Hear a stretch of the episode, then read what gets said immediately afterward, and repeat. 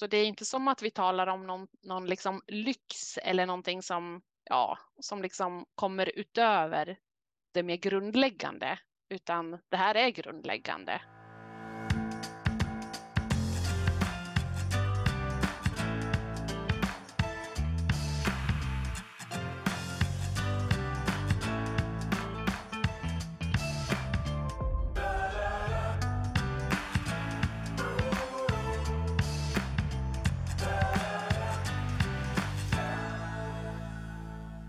Du lyssnar på Djurens Rätts podcast på Djurens sida. Du har väl inte missat att prenumerera på vår podcast? Då missar du aldrig när ett nytt avsnitt släpps i din poddapp. Djurens Rätt arbetar globalt för att göra skillnad för de djur som är flest och har det sämst. Det har vi gjort sedan 1882. Med våra målinriktade kampanjer, företagssamarbeten och politiskt påverkansarbete är vi en av världens ledande djurrätts och djurskyddsorganisationer med fler än 50 000 medlemmar i Sverige. Vi är helt finansierade av Djurens Rätts medlemmar, så stort tack till dig som är medlem och gör vårt arbete för djuren möjligt. Hej och välkomna tillbaka till På djurens sida. Jag som pratar heter Linn Åkesson och är kommunikationschef hos Djurens Rätt. Och i dagens avsnitt så ska vi prata om det årliga PR-jippot Kosläppen som äger rum så här under våren. Vi kommer även gå in på varför betesrätten för korna är hotad i Sverige. Till min hjälp har jag idag med mig Linda Björklund som är sakkunnig etolog hos Djurens Rätt. Men innan vi drar igång är det dags för djurrättssvepet.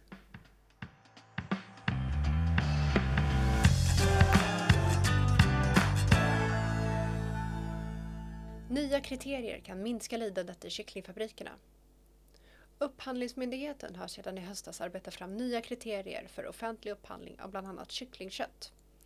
I slutet av april publicerades det färdiga resultatet och i de nya kriterierna finns flera av djurens rättsförslag med Bland annat möjlighet att upphandla kycklingkött från mer hälsosamma raser i enlighet med European Chicken Commitment och därmed säga nej till turbokycklingar. Djurens Rätt ser positivt på utvecklingen och anser att det kommer att minska lidandet i kycklingfabrikerna. Världens första kommersiella bläckfiskfabrik håller just nu på att öppna i Spanien och motreaktionerna har varit stora världen över.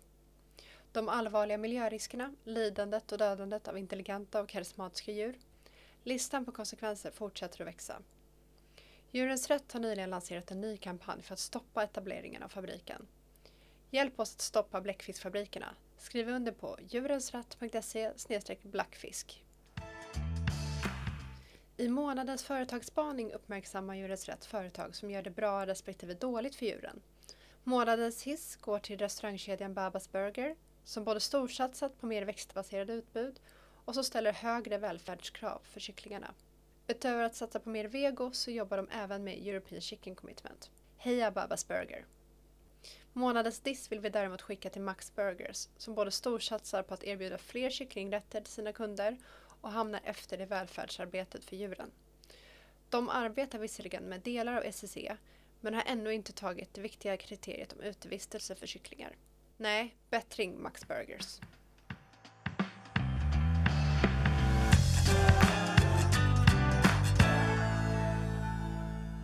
Då har det blivit dags för mig att hälsa välkommen till Linda Björklund. Hej Linda!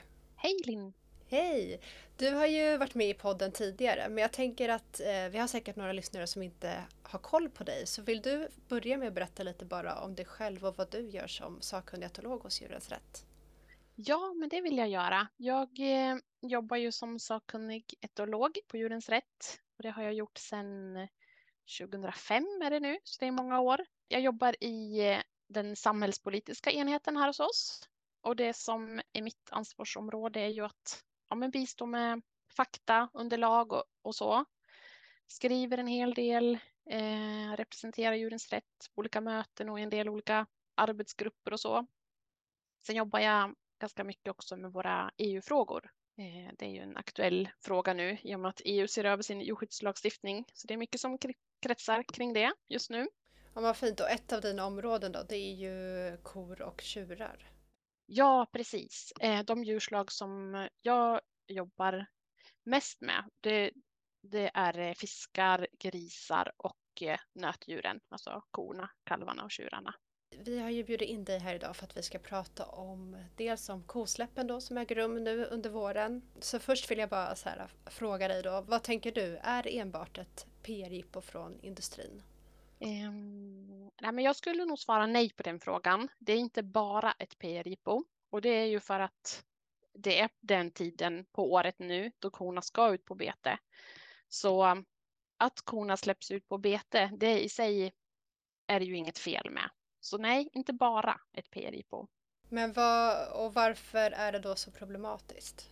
Ja, men det blir, det blir problematiskt eftersom kosläppen visar ju en liten del av hur livet ser ut för korna. Och det här kan ju ge en eh, förskönad bild om man inte vet riktigt hur eh, livet för djuren i en mjölkfabrik ser ut. Ehm, de är ju inomhus en stor del av året, större delen av året. Det är många djur som aldrig får komma ut. Betesrätten omfattar ju inte kalvar eh, och tjurar. Så att det är många djur i mjölkfabrikerna som inte får komma ut på betet. Och sen så det som många nog inte vet om heller, det är ju att eh, mjölkbranschen och delar av politiken också, de driver på för en försämrad eller slopad betesrätt. Det är ju någonting som inte syns och som man inte talar om eh, på kosläppen såklart. Så det kan ge en, en eh, felaktig bild av hur livet för djuren i mjölkfabrikerna mm. Eh, ser ut. Ja, men just den här den glada kon som får springa ut på bete. Det är, många tänker inte på då baksidan av, av det. Nej, precis. Det är ju som sagt en, en liten, liten del och det är ju en, en bra del att korna får komma ut på bete. Det tycker vi också, men vi tycker ju att, eh, att det är fler djur som borde få rätt till utevistelse och bete och inte färre som ju risken är att det blir om man ser till hur, eh, hur debatten går och vad det finns för krafter som, som jobbar för det just nu. Mm. Eh, och jag tänker att det är säkert många som vill gå och besöka de här kosläppen och de vill ju inget illa utan det handlar väl kanske om okunskap där hur det faktiskt ser ut i, i mjölkindustrin. Vad är ditt tips till de som har funderat på att besöka ett kosläpp i vår? Ja, men jag tänker att man ska fundera en vända till på det. Och landar man i att man vill gå på ett kosläpp, då tycker jag att man ska eh, vara medveten om hur det ligger till. Att det, det, är ju en ögonblicksbild som man får se här på kosläppet. Det, det är ju ett jippo, ett evenemang som ordnas eh, just den här dagen. Eller ja, kosläppen är ju flera olika dagar, men just när man är där, det är ju där och då man ser hur verkligheten är för, för korna. Um, och det är en stor del av deras liv som man inte talar om eller, eller får se ju. Och så ska man komma ihåg det här att, eh, att betesrätten som ju är eh, lagstadgad i Sverige idag för kor, att den är hotad. Så det är ingenting eh, självklart det här. Jag tycker man ska se på de här evenemangen med kritiska ögon. Eh, jag tänkte bara på det, eh, betesrätten idag. Vad är det den säger att kor ska ha rätt till idag?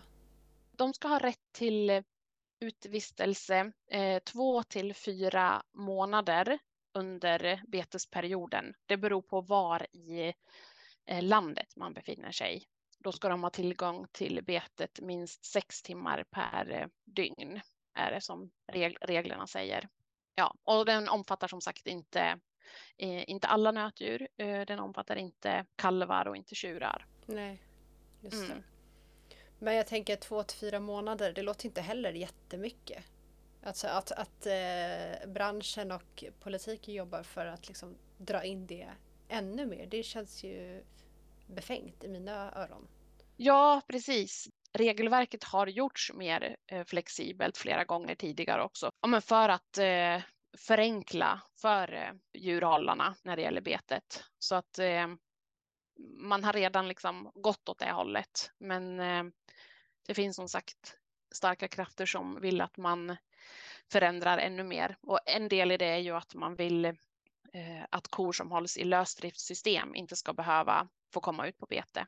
De flesta korna idag hålls i lösdrift. Så det skulle påverka eller vara aktuellt då för de allra flesta korna om det skulle bli så att man tog bort betesrätten för alla dem. Och det där stämmer ju inte, eh, eller det, det, är liksom inget logiskt i det att kor i lösdrift inte skulle behöva komma ut på bete. Det, det vet man att de också behöver. Mm. Bara för att förtydliga för lyssnarna, vad, vad innebär eh, kor på lösdrift? Hur lever de? Jo, då är de inte fastbundna inomhus eh, i lagården eller stallet, utan de kan röra sig där inne. De kan gå omkring.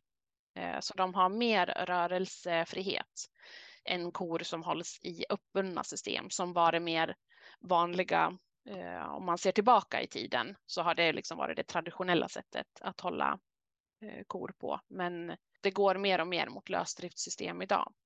Men det är fortfarande, det är fortfarande trångt i de stallarna också och hårda golv och så. Ja, men betet har fortfarande väldigt positiva effekter och behövs också för de korna.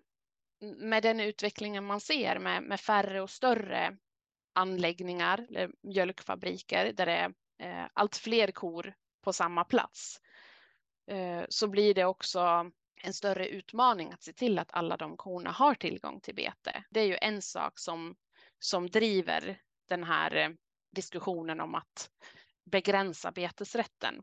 Och är det för att det är många fler nötdjur som får plats i de här äh, lösdriftsstallarna då?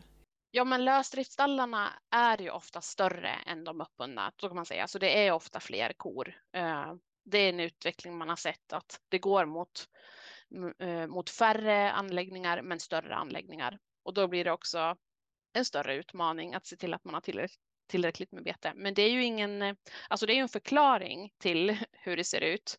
Men det är ju ingen ursäkt. Vi menar ju att eh, man måste se till att eh, att det finns bete för alla kor helt enkelt. Man måste anpassa verkligheten efter, efter djurens behov och inte, inte tvärtom. Men verkligen. Eh, jag tänker att här också, det är många som väljer att sluta äta kött för att de vill ju inte stötta den här köttindustrin då. Men faktum är ju också att mjölkindustrin bidrar till lidande och slakt, eller hur? Ja, så är det. De är ju tätt sammankopplade man brukar säga att ungefär hälften av det svenska nötköttet kommer från djur i mjölkfabrikerna och då är det ju så kallade uttjänta kor, alltså kor som går till slakt för att de inte längre ses som lönsamma att hålla kvar i, i mjölkproduktionen. Och så är det ju alla deras eh, tjurkalvar som föds, som föds upp för köttets skull och slaktas efter ett till två år ungefär. För att kon ska producera mjölk så måste hon ju föda kalvar. Och omkring hälften av kalvarna är ju tjurkalvar. De kommer inte att producera mjölk så att de föds ju upp för köttet då och slaktas. Så att det, det är en stor del, omkring hälften av svenska nötköttet kommer från djuren i mjölkfabrikerna. Så man kan inte skilja mjölk och köttindustrin från varandra. Precis, att även om man slutar äta kött och fortfarande dricker mjölk eller ja, äter smör på mackan så, så, så är det också en bidragande liksom, orsak till att det här fortsätter. Mm, så är det. Ja men du nämner ju det här att eh, kalvarna de eh, slaktas efter ett till två år för att gå till kött. Men jag tänker på de korna då som, som eh, producerar mjölken och lever i mjölkfabrikerna. Hur, hur länge lever de? Ja men det är lite olika men i genomsnitt så är det ungefär fem år som en ko eh, hålls i mjölkproduktionen eh, innan hon slaktas. Och det kan man ju jämföra då med livstiden för en ko som, som lever eh, under bra förhållanden annars, som är runt eh, 20 till 25 år brukar man säga annars. Så att eh, det är ju mycket kortare i snitt då. Ja, fem år låter ju inte lång tid för att klassas som en uttjänt ko då, som det, som det heter. Att bara vara fem år. Nej, då är hon ändå fortfarande ung om man ser till vad livstiden skulle kunna vara. Har du någon egen erfarenhet av att ha besökt en mjölkfabrik? Ja, jo men det har jag gjort. Och det jag tänker särskilt på det är ju Ja, men dels är det ju det här att korna och kalvarna är skilda från varandra. Det blir ju väldigt tydligt. Korna är på en plats och kalvarna är på en annan plats i en annan avdelning. För de skiljs ju oftast från varandra kort efter födseln. Och kalvarna då, de vill ju väldigt gärna, de är ju nyfikna, sociala. Det gäller ju både korna och kalvarna. Det är ju sociala djur, eh, nyfikna och kontaktsökande. Såklart inte alla, de är också individer och olika. Men många är ju det. Kalvar vill ju gärna, om de får chansen, smaka på ens fingrar eller händer, så suga. Eh, och det är ju tecken på deras eh, starka sugbehov som de ju har och som de inte får mött i mjölkfabrikerna eftersom de hålls ensamma och inte får vara med sin mamma som de skulle behöva vara med och dia. Så det är sorgligt eh, att se kalvar utan sin mamma och utan andra kalvar också. Den första tiden hålls de ju ensamma i en liten kalvbox som bara är på någon enstaka kvadratmeter. Så där har de ju heller ingen chans att springa och skutta och leka och så som ju unga djur vill och behöver göra.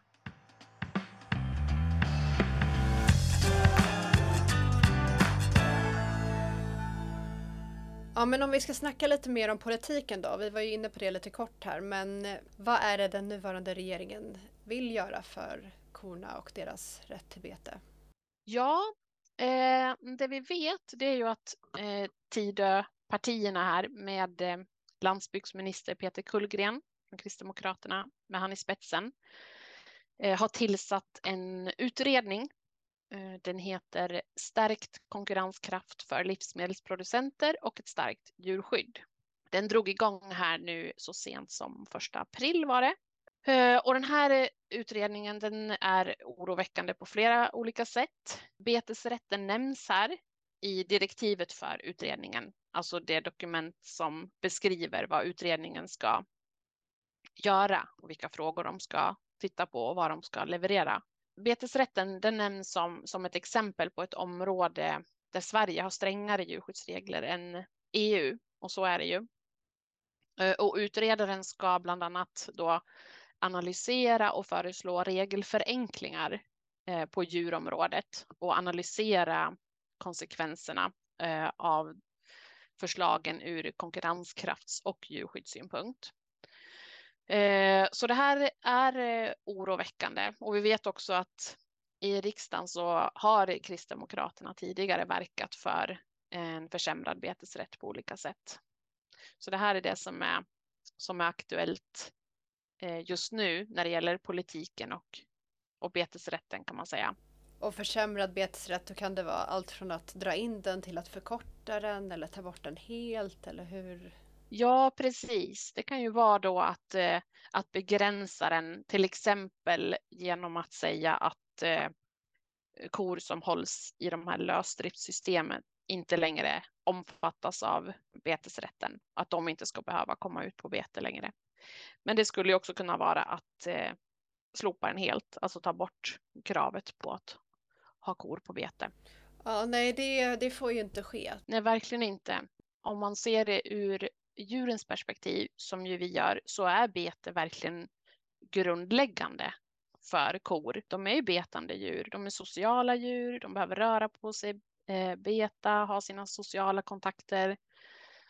Eh, och betet är grundläggande eh, när det kommer till djurvälfärd för nötdjur. Så det är inte som att vi talar om någon, någon liksom lyx eller någonting som, ja, som liksom kommer utöver det mer grundläggande utan det här är grundläggande.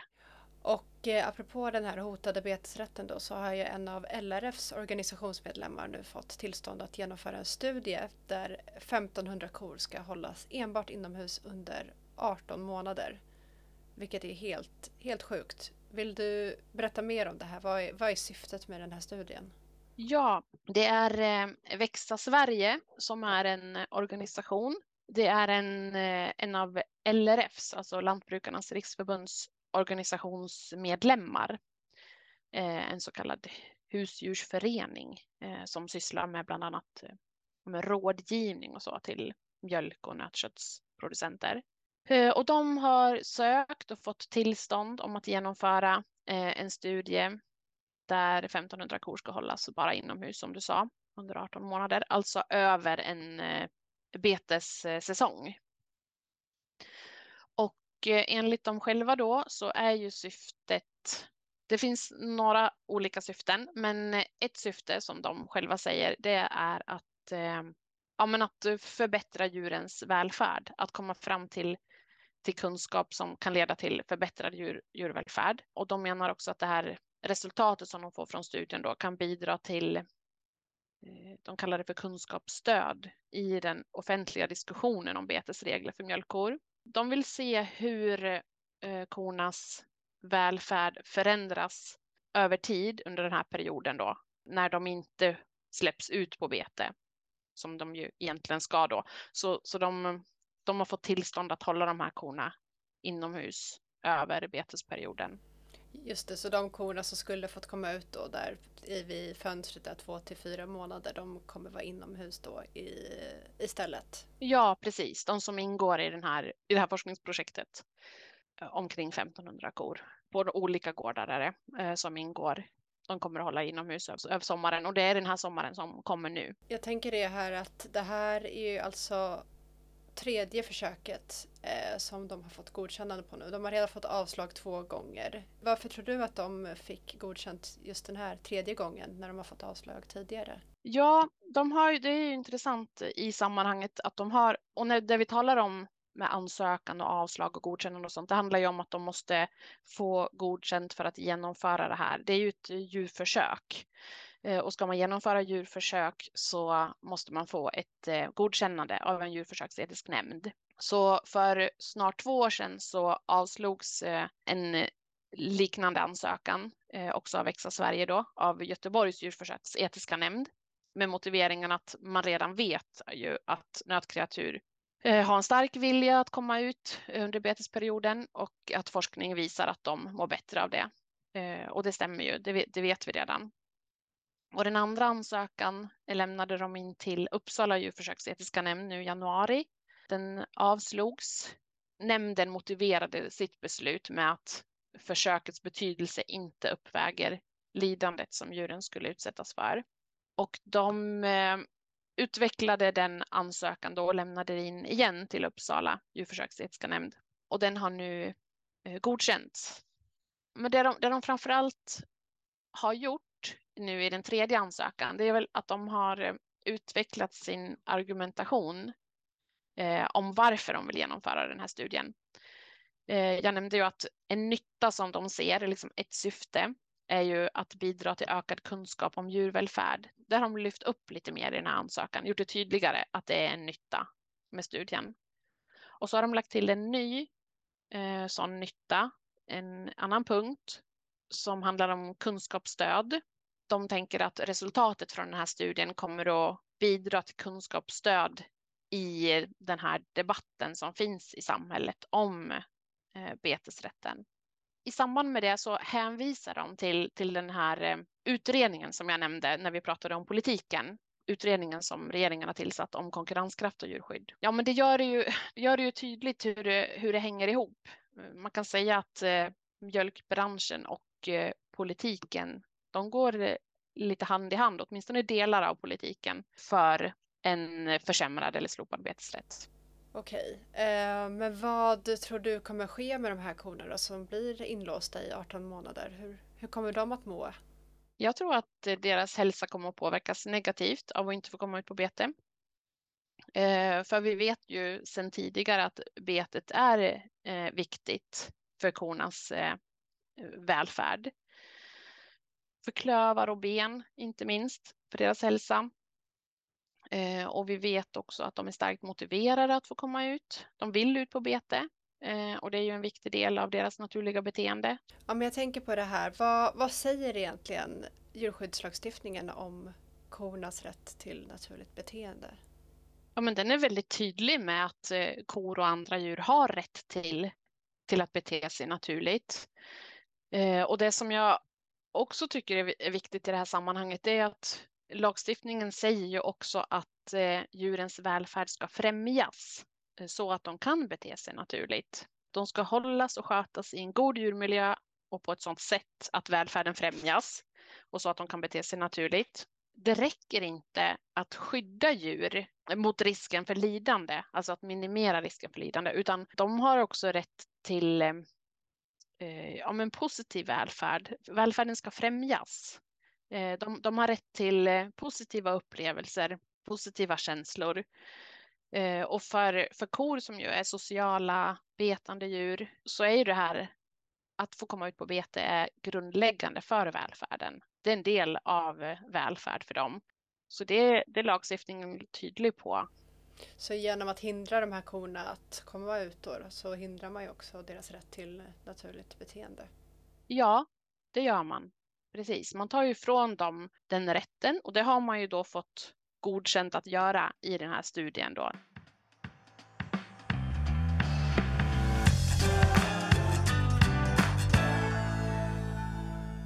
Jag tänker på något annat eh, fruktansvärt som nyligen hände var ju att det nyligen rapporterades om att eh, 18 000 kor brann inne i en mjölkfabrik i Texas, USA.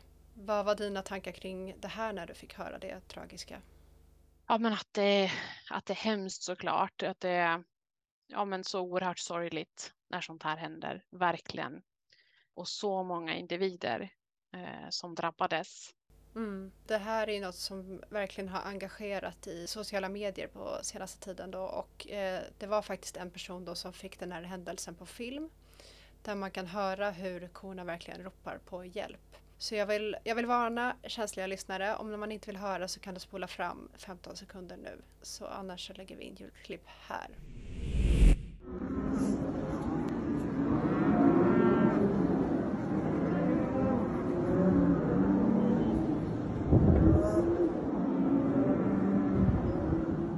Ja, Linda, hur eh, det, det här som har hänt är ju fruktansvärt, en tragedi. Eh, hur kan det förebyggas? Eh, ja, alltså en del i det är ju att inte hålla så många djur under samma tak, alltså på samma begränsade yta. Det är ju helt orimligt av flera skäl med så stora djurfabriker. Det finns ju alltid risker som brand till exempel och där måste man ju så långt det går göra allt man kan för att minimera sådana risker. Men när man håller så många eh, djur som i det här fallet då, då blir ju också konsekvenserna av sådana här olyckor och liknande eh, enorma. Eh, det är så många individer som drabbas. Det är ju också väldigt svårt att se och ta hänsyn till varje djurindivid när det handlar om så många, många djur. Djurfabriker är inte hållbara eh, på något sätt. Det behöver förändras verkligen det vi pratar om här det är ju också så här, det känns tungt och mörkt och det är mycket så här, mycket som sker. Om vi ska inbringa lite hopp här då. Hur arbetar Djurens Rätt nu framåt här för att förändra för korna och tjurarna i mjölkindustrin? Det händer ju en del positivt också, även om det kan verka tungt och sorgligt. Vi jobbar ju på för att påverka lagstiftningen, alltså betesrätten som vi har pratat massor om här nu eh, jobbar vi för att den ska stärkas och inte försämras. Vi vill ju att fler djur ska få rätt till utevistelse med bete, inte färre. Och det är många med oss som tycker det. Så att eh, även om det är starka krafter för försämringar så känner jag också att det är väldigt många som, som håller med oss och som delar eh, vår syn om att kor och andra djur har rätt till utevistelse och bete. Så det är positivt att känna det och veta det. Sen eh, jobbar vi ju också för att eh, kor och kalvar eh, ska få vara tillsammans för att den här tidiga separationen ska få ett slut. Där händer det också en del. Det sker en del forskning på det området om hur man, hur man ska få det att funka bra i praktiken. Att hålla kor och kalvar tillsammans mer på mjölkfabrikerna. Och så på EU-nivå då, om vi pratar om Eh, revisionen av EU-lagstiftningen. Idag så saknas det detaljerad lagstiftning för korna i mjölkfabrikerna på EU-nivå. Där hoppas vi och tror att det kommer att komma. Vi jobbar på det. Och så har vi det här framgångsrika initiativet End the Cage Age som Djurens Rätt har varit eh, eh, aktiva i och pådrivande i. Som ju handlar om att få ett slut på burhållning av djur. Och kalvarna i små ensamboxar, de eh, faller in i det här initiativet och det ser, eh, det ser positivt ut när det gäller End initiativet och eh, vi tror att det kommer att komma förslag om, om slut på burhållning av djur. Vi är inte framme än, men vi jobbar, vi jobbar hårt på det området också. Det är väl några exempel på vad som händer och på att det faktiskt finns ljusglimtar också. Vad är dina så sista ord då, till de som lyssnar? Vad kan de göra för att stödja den här industrin? Man kan bli medlem i Djurens Rätt om man inte redan är det. För vi behöver ju eh, bli ännu fler. Ju fler vi är, desto större skillnad kan vi göra. Man kan hjälpa oss att eh, sprida information om hur djuren har det och om betesrätten. Om att den inte är självklar utan att den faktiskt är hotad från flera olika håll. Och sen kan man ju också välja vego, eh, dricka växtmjölk istället för komjölk. Ja men Linda, du ska ha ett stort tack för att du gästade oss idag och berättade mer om eh, verkligheten bakom mjölkindustrin. Stort tack! Tack själv!